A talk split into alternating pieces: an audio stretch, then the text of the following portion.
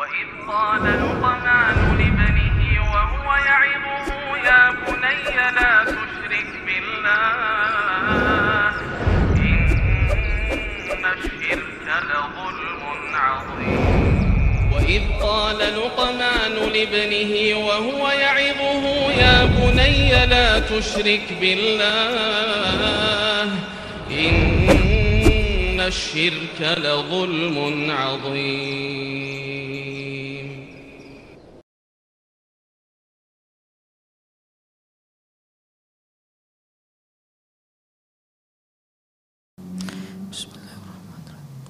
السلام عليكم ورحمة الله وبركاته.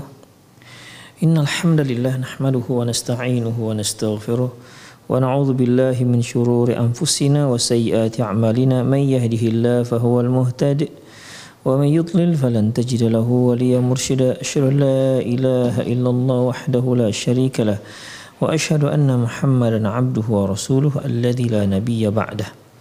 وقال الله سبحانه وتعالى يا أيها الذين آمنوا اتقوا الله حق تقاته ولا تموتن إلا وأنتم مسلمون. يا أيها الذين آمنوا اتقوا الله وقولوا قولا سديدا.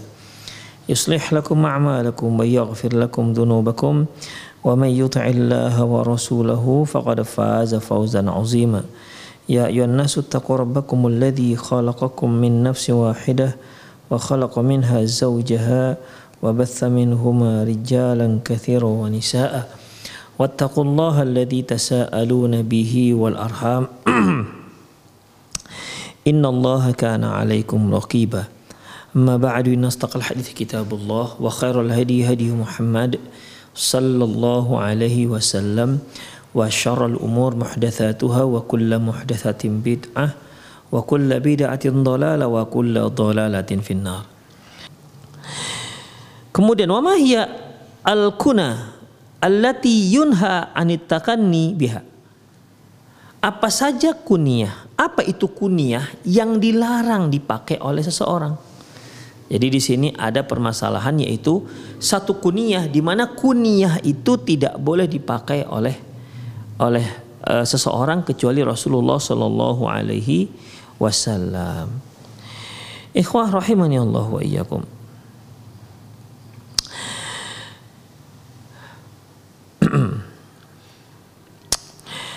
Yunha anitakanni bikulli ismin muharramin. Dilarang berkunyah diambil dari nama yang mahram. Ya, au makruh ataupun nama yang makruh seperti Abul Hakam, Abul A'la. Ya, ayahnya hakim, ayahnya yang maha tinggi, yang paling tinggi. Makanya nggak dibolehkan Abul A'la.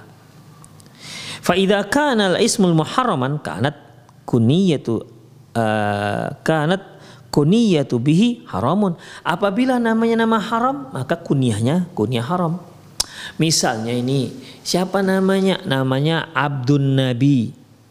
Nama dia dia beri nama anaknya Abdun Nabi, hambanya Nabi. Ini kan ikhwah dilarang dalam Islam, haram hukumnya. Berdosa orang yang memberikan nama anaknya seperti ini, Abdun Nabi, hamba Nabi. Taib.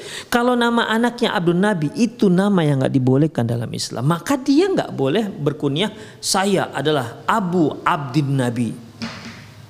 Ayahnya Abdul Nabi maka nggak dibolehkan. Jadi kalau namanya dilarang maka nggak boleh berkunyah dengan nama yang dilarang tersebut. Wa ingkana makruhan kanat makruhah. Kalau seandainya namanya nama yang makruh, maka berkunyah dengan itu juga makruh.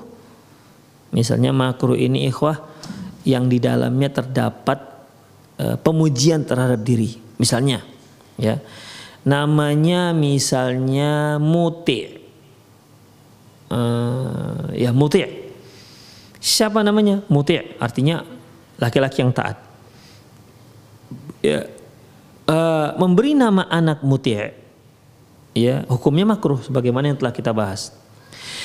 Kalau nama itu makruh, maka ayah si muti tidak boleh menggunakan kata abu muti, hmm. karena uh, dan hukumnya makruh. Jadi tergantung kalau namanya nama haram, maka kunyah menjadi kunyah yang haram. Kalau namanya nama makruh, maka kunyahnya kunyah yang makruh. Itu ikhwafiddin rahimanallahu wa iyyakum.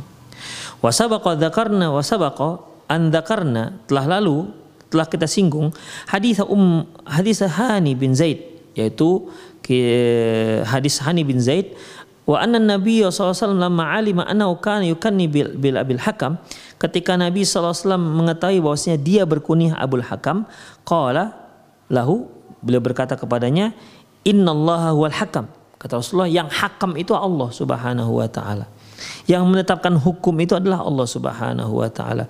Wa ilail hukm dan kepadanya lah kembali hukum. Wala tukanni bi wala tukanni abal hakam dan kamu jangan berkunyah dengan kunyah Abul Hakam, ayahnya Hakam. Summa kannahu bi Abi Syuraih. Lantas Rasulullah rubah yang tadinya Abul Hakam dirubah menjadi Abu Syuraih. Diambil dari nama anak laki-laki yang paling tua. Demikian ikhwah. Jadi uh, larangan kunyah tergantung dengan uh, nama namanya itu dalam klasifikasi yang mana. Haramkah makruhkah bolehkah? Ya, jadi yang dibawa, bahkan disunnahkan sunnahkah? Yang boleh itu ya pakai kunyah yaitu dari nama yang boleh atau nama yang dianjurkan dalam syariat Islam.